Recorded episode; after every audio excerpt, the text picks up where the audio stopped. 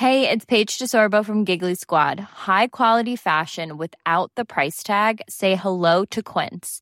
I'm snagging high-end essentials like cozy cashmere sweaters, sleek leather jackets, fine jewelry, and so much more. With Quince being 50 to 80% less than similar brands. And they partner with factories that prioritize safe, ethical, and responsible manufacturing. I love that. Luxury quality within reach. Go to quince.com slash style to get free shipping and 365-day returns on your next order. quince.com slash style.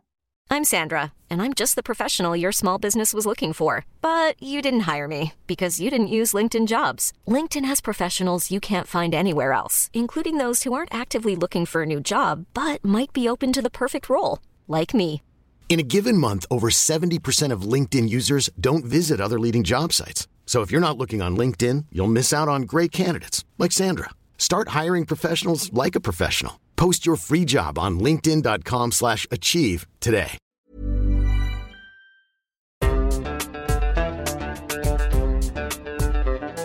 Podcast Solve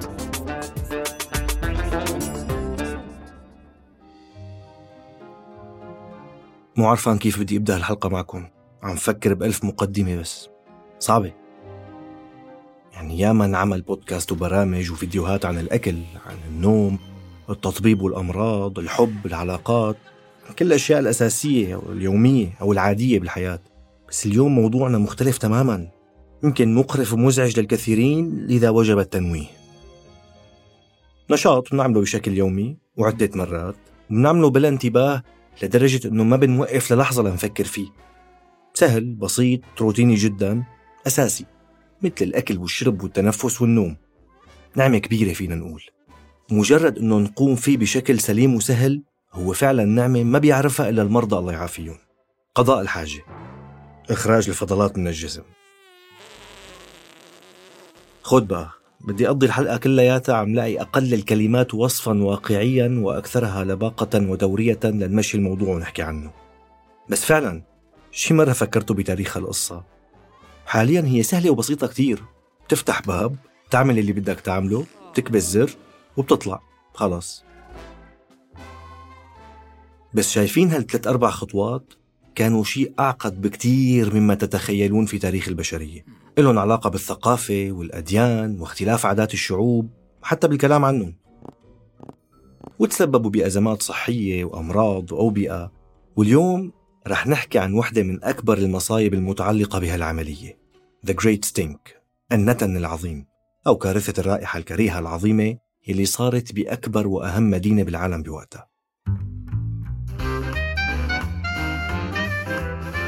شو رأيكم يا شباب؟ نسميه من بيت؟ لا بالمرة سميه شجرة حبيبي من بيت يا شباب وين فكر حالك عاد بالله معك حق. مزبوط بس لا ليش حتى أنت يا شباب رأيك؟ عم افتح؟ المعجم؟ آه، من بيت من مرادفات كلمة أصل وإذا أخذنا الأصل الجذر اللغوي أهلين وسهلين ومرحبتين ببودكاست من بيت من إنتاج صوت معي أنا بشر نجار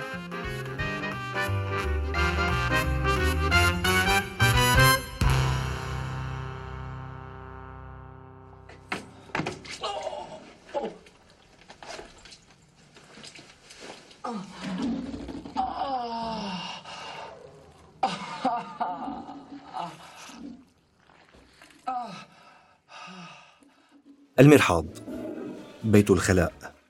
التواليت للذين يجدون في استخدام الكلمات الأجنبية أثرا يشبه أثر معطر الجو بخفف من بشاعة أو إحراج الكلام.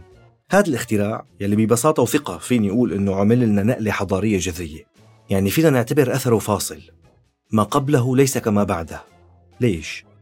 لأن التغييرات اللي مرق فيها وفرت على البشرية أمراض كتير وأوبئة كتير ووفيات كتير وقرف كتير. بالإضافة لنشاط اجتماعي بشع جدا خلصت منه البشرية الحمد لله لنعتبر أنه ماكسيموس شخص روماني يعني عايش بالدولة الرومانية وبالعاصمة روما من حوالي 2000 سنة. والعفو ممكن حس بحاجة لقضاء الحاجة. بيمشي باتجاه بناء على شكل صندوق مفتوح. في مصطبة على نفس الشكل يعني مكان مرتفع عن الأرض للجلوس ممتد على حرف شكل باء بالعربي بدون نقطة. وحوالي كل نص متر على هذا المكان المخصص للجلوس في فتحة دائرية قطرها شي 20 ل 30 سنتيمتر وبالمركز تبع هالجلسة في مثل طاولة وعليها قدر فيه ماء. ماكسيموس بيدخل بدور على مكان لأنه في كتير رجال قاعدين قبله كل واحد على دائرة من هالدوائر على فتحة. عم يقضي حاجته مع بعض جنب بعض. وعم يتجاذبوا أطراف الحديث. إيه إيه مع بعض. نشاط اجتماعي لتبادل الأخبار والأفكار. شي بيشبه ال social media بس على أقرف بكتير. معلش كملكم القسم الأقرف اللي ما بيتحمل يسبق لقدام شوي بس. لما بيخلص الواحد منهم بمد إيده لجنب قدر الماء اللي بالمركز بالمنتصف في عصا خشبية بآخرها مربوط سفنجة. بيغط السفنجة بالمي وبينظف. وبعدين بيرجعها لمحلها ليستخدمها يلي بعده مثل ما استخدمها هو بعد حدا قبله. بتفهم تماما حجم الشعور بالقرف والاشمئزاز اللي انتو فيه. الحلقة فيها شوية أشياء هيك بصراحة بس تحملوا من أجل الثقافة العامة ثانيا واستشعار النعمة أولا. الأوساخ كانت تروح داخل أقنية صغيرة بتصب بأقنية أكبر بتروح خارج سور مدينة روما وبتتخلص منها في مكان ما. هيك كان الوضع بالدولة الرومانية. بالصين بنفس الفترة كان في نظام مشابه للتخلص من القاذورات. مراحيض فيها حفر بيتم إعادة تدوير الأوساخ بشكل مباشر إما بإرسالها إلى حظائر الخنازير أو بيجي شخص بينقلها لخارج المدينة. وبالحضارات القديمة مثل حضارة بلاد الرافدين والحضارة الفرعونية كمان كان النظام مشابه من حيث التصريف على الأنهار على الأقنية أو على الرمال. بس أكيد مختلف من حيث النشاط الاجتماعي. كان فردي. وأنظمة الصرف الصحي بهالحضارات رح تفاجئكم. متطورة كتير. بالحضارة المصرية القديمة الفرعونية ومع التمدن وانتقال الناس للعيش ببيوت صار في مراحيض كتير متوفرة بعدد لا بأس به من البيوت. وهالمراحيض موصولة بشبكة تصريف صحي والبيوت تبع عالية القوم كانت توصلها أنابيب مي سخنة وباردة من النحاس من حوالي 4000 سنة. أما إذا بنجي للحضارة الإسلامية فكلنا بنعرف أن النظافة هي شيء أساسي جدا بالإسلام وله علاقة مباشرة بالعبادات والطهارة. لهيك تطورت كتير بالدول الإسلامية المختلفة بينما بالغرب كان الوضع بعد نهاية الدولة الرومانية كتير سيء. خلونا ناخذ مثال أوروبي يوضح لنا الفرق. الأندلس وعم بحكي أوروبي يعني دولة إسلامية في أوروبا. الأندلس كانت تعتبر أغنى بلد وأكثر بقعة متطورة بأوروبا فيما يسمى بالعصور الوسطى. تطوير نظام الصرف الصحي كان شيء كتير أساسي. المدن نظيفة كتير بشكل عام كان تقريبا بكل بيت في مرحاض بغض النظر إذا كان غني أو فقير. وإذا كان في غياب لدور الدولة مثلا بإدارة هي الأمور النظافة والصرف الصحي كنت تلاقي البديل بأهل الحي أو المنطقة اللي ينظموا ويرتبوا هالأمور لأنه كتير أساسية وضرورية. طبعا المرحاض هو بالشكل اللي بنسميه عربي اللي هو على مستوى الأرض مو مقعد أو كرسي. بكل بيت في غرفة منفصلة وظيفتها هي إنها تكون مرحاض فقط الخصوصية شيء كتير مهم. ومياه الصرف الصحي بتروح لمجارير بالمدن. مرة في سجين إسباني هرب من سجنه بإحدى مدن الأندلس عن طريق أقنية المجارير وضل يركض فيه لحتى وصل لشط البحر. المجاري كانت تصب البحر غالبا بهذاك الوقت. مدينة مرسيا جنوب شرق إسبانيا مثلا كان فيها شبكة مجارير متطورة بالإضافة لحفر امتصاصية. والمجارير بتمر تحت الشوارع وبتصب خارج أسوار المدينة. البيوت، الجوامع، حمامات السوق يعني الحمامات العامة كلها بتصب بهي المجارير بشكل منظم ومتطور. مدينة الزاهرة يلي كانت مقر المنصور بن أبي عامر حاكم الأندلس خير مثال على التطور اللي وصلت له الهندسة الصحية بالأندلس.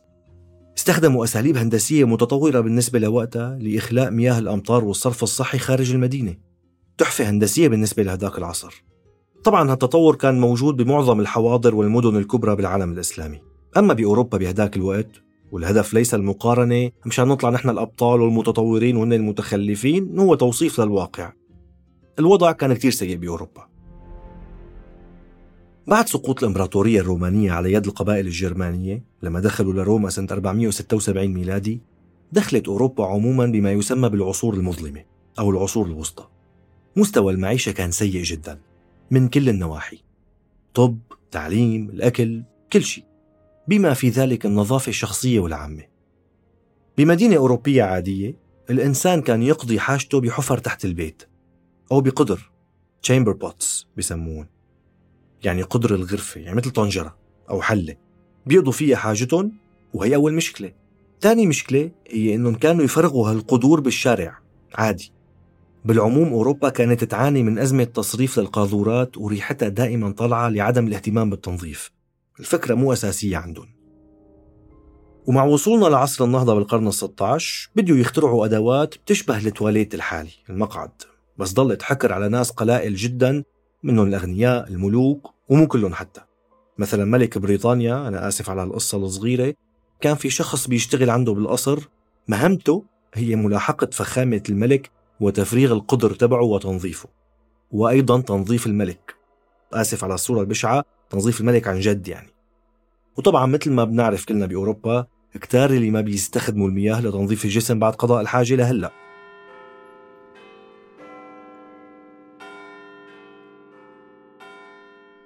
بنوصل بقصتنا اللطيفة إلى القرن التاسع عشر في بريطانيا بالتحديد في العاصمة لندن أكبر مدينة بالعالم لا وبل أهم مدينة عاصمة الإمبراطورية التي لا تغيب عنها الشمس أستراليا، الهند، أفريقيا، أمريكا الشمالية موجودة بكل مكان أغنى دولة بالعالم. بس الصورة اللي بنشوفها بالأفلام يمكن ما بتنقل الحقيقة كتير لأنه الأفلام ما بتنقل غير حاسة السمع والبصر. في حاسة كاملة كتير مهمة ما بتشتغل الشم. ومعظم الأفلام تنقل هالفترة بصورة رومانسية. الحنين لزمن جميل في لبس حلو قصور فخمة لغة جزلة وغنية قصص حب وبداية تغير العالم كله من لندن عاصمة الضباب. عالم بيعيش التمدن والحضارة وفق الرؤية الإنجليزية. بس بالواقع إذا بتمشي بشوارع لندن بأوائل 1800 على الأكثر رح تصاب بالغثيان من الرائحة. رح حاول أخذكم برحلة غير لطيفة البتة إلى العصر الفيكتوري لتعرفوا أكثر والفيكتوري من الملكة فيكتوريا واحدة من أهم الملكات بتاريخ بريطانيا وأطولهن بمدة الحكم أطولهن وأطولهم يعني أكثر وحدة حكمت بتاريخ بريطانيا من سنة 1819 لسنة 1901 فينا نقول إنه بريطانيا انتقلت بعهدها لتصير فعلا أهم إمبراطورية بالعالم بهداك العصر. خلونا نروح على أحد البيوت تبع الطبقة الراقية بهديك الفترة. عصر الثورة الصناعية والتطور السريع بلندن. سهرة فيها رجال عم يرتشفوا الشراب ويتجاذبوا أطراف الحديث. فجأة واحد منهم وبدون مقدمات بيندار على جنب في فتحة بالحيط بتشبه الموقد تبع النار. بسموها ال water closet خزانة المياه. بيقضي فيها حاجته وبيرجع بيكمل حكي عادي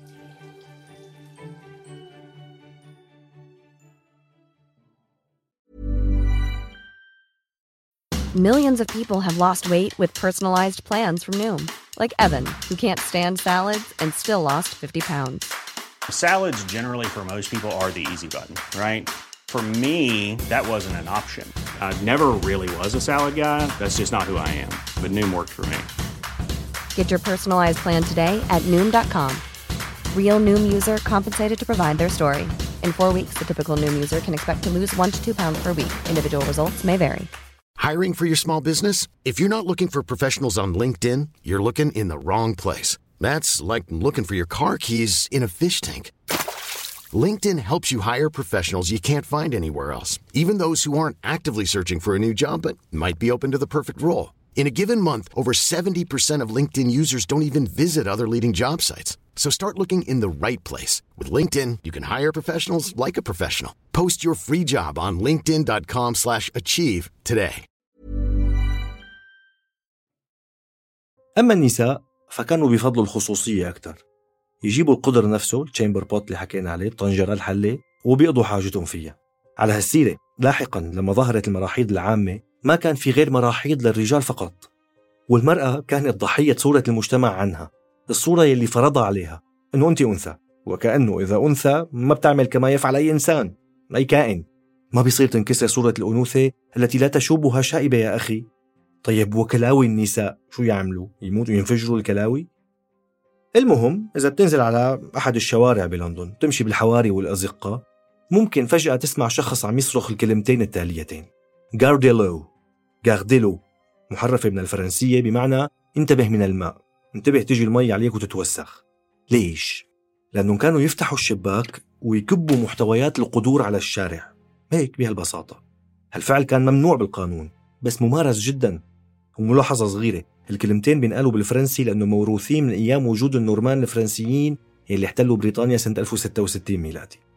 وهذا الفعل اللي بيحصل بالشارع سبب عادة ببريطانيا بتميز الرجل الراقي جنتلمان من الرجل اللي ما بيقدر المرأة. كيف؟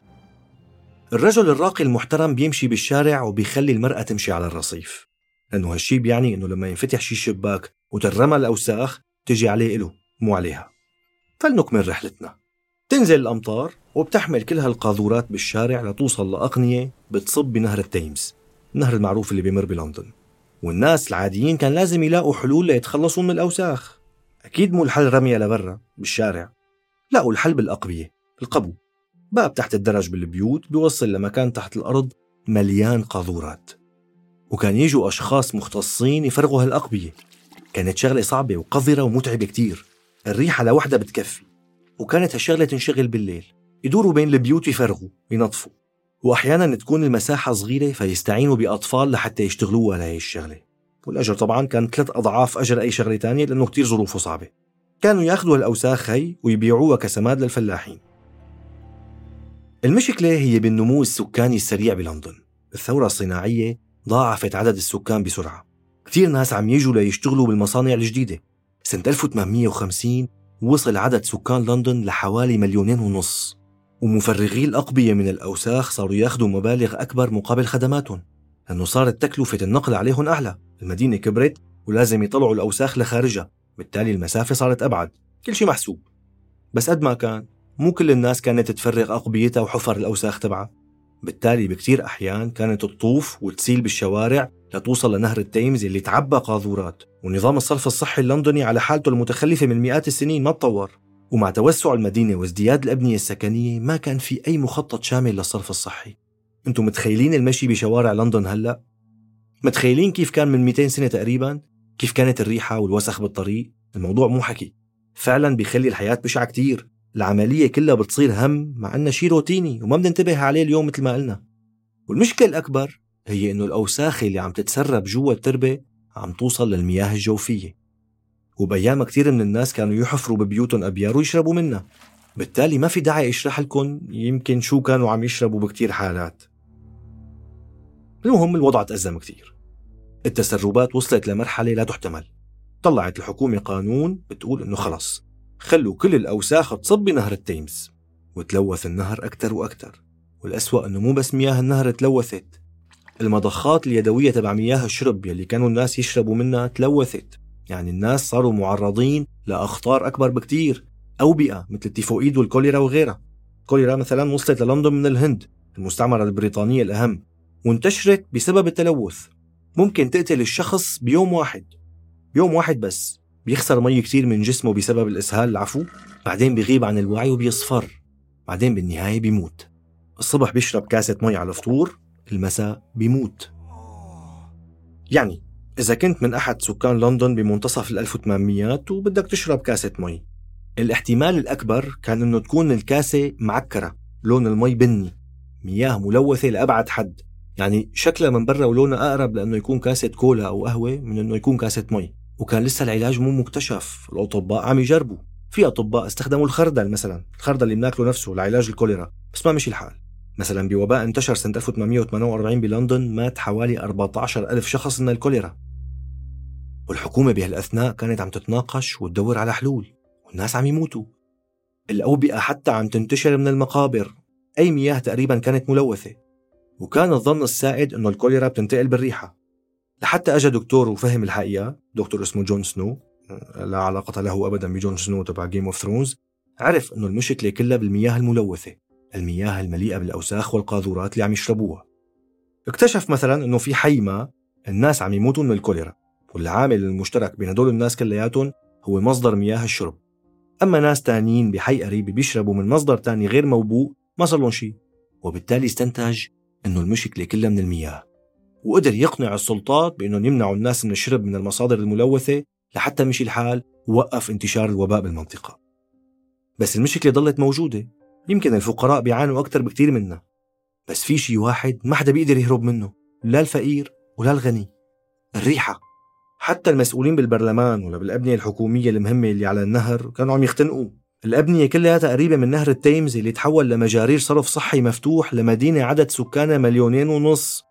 أربعة مليون أربعة مليون متر مكعب من فضلات البشر والمياه عم تنضخ بشكل يومي بالنهر. صيفية سنة 1858 كانت حارة جدا. ما نزلت الحرارة طول الوقت ومع الحرارة العالية الرائحة بتزداد سوء.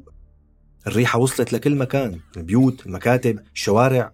الناس سموا هالحالة البشعة هي بالنتن العظيم The Great Stink المختصين بيقولوا إنه قد ما وصفنا الريحة ما رح نقدر نوضح مقدار بشاعتها. كل هاد كان في عاصمة أعظم إمبراطورية بالعالم أغنى إمبراطورية بالعالم أكثر إمبراطورية تطورا بالعالم. اضطروا مثلا ينقعوا البرادي. ستائر يعني يحطوها بمواد معطرة ليتحملوا الريحة. حتى فكروا ينقلوا مبنى البرلمان من جنب النهر لك رح يموتوا. خلص الموضوع ما عاد يحتمل. أمراض وأوبئة وقرف لازم يلاقوا حل النتن الكبير اللي صاب هالمدينة المهندس السير جوزيف بازل جيت كان هو الحل. عينوه لحتى يصمم نظام صرف صحي للمدينة كلها. حل جذري ينقذ الناس. ترأس لجنة مهمتها التخلص من القرف العظيم هاد. ومن ضمن هاللجنة طبعا كان في أسماء كثيرة ساهمت بالعمل مثل المهندس تشارلز هنري اللي ساهم بالتخطيط لهذا المشروع. الحل كان ببناء نظام صرف صحي ومجارير تحت المدينة. بيعتبروه المختصين أكبر مشروع هندسي بالقرن التاسع عشر وممكن بالتاريخ حتى. متخيلين؟ بدهم يحفروا أقنية ومجارير لكل بيت ولكل بناء ولكل مكان تحت مدينة عدد سكانها حوالي مليونين ونص.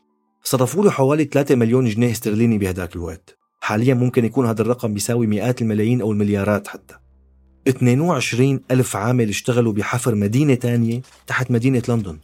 شبكة معقدة على مستويات متعددة بتعتمد على انحدار الأرض ومرور النهر.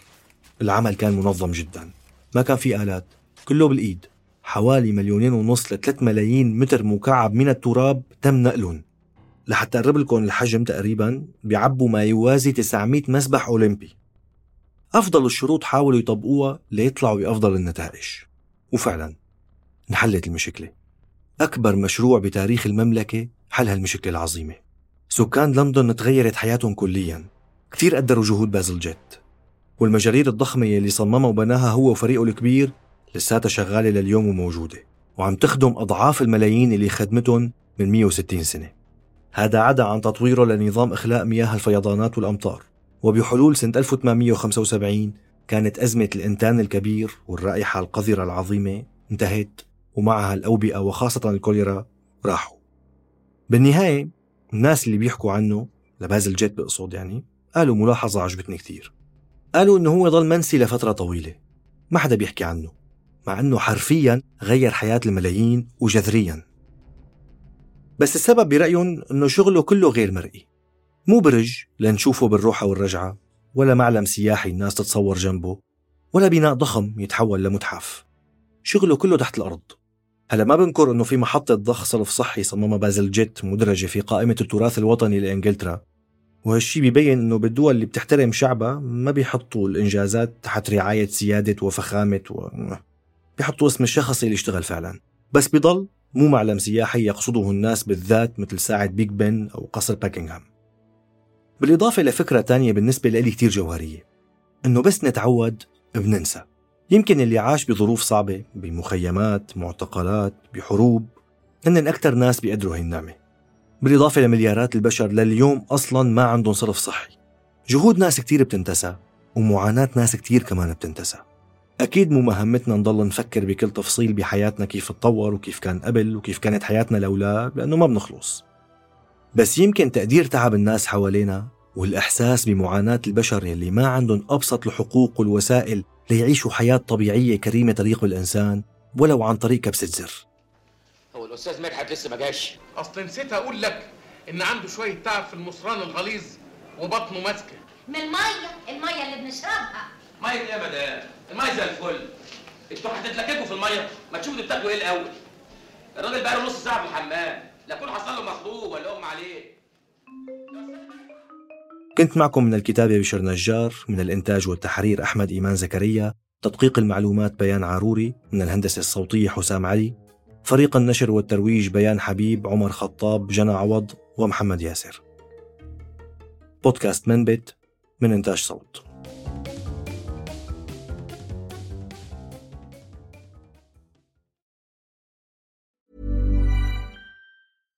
Hi, I'm Daniel, founder of Pretty Litter. Cats and cat owners deserve better than any old fashioned litter. That's why I teamed up with scientists and veterinarians to create Pretty Litter. Its innovative crystal formula has superior odor control and weighs up to 80% less than clay litter. Pretty Litter even monitors health by changing colors to help detect early signs of potential illness. It's the world's smartest kitty litter. Go to prettylitter.com and use code ACAST for 20% off your first order and a free cat toy. Terms and conditions apply. See site for details. Acast anbefaler.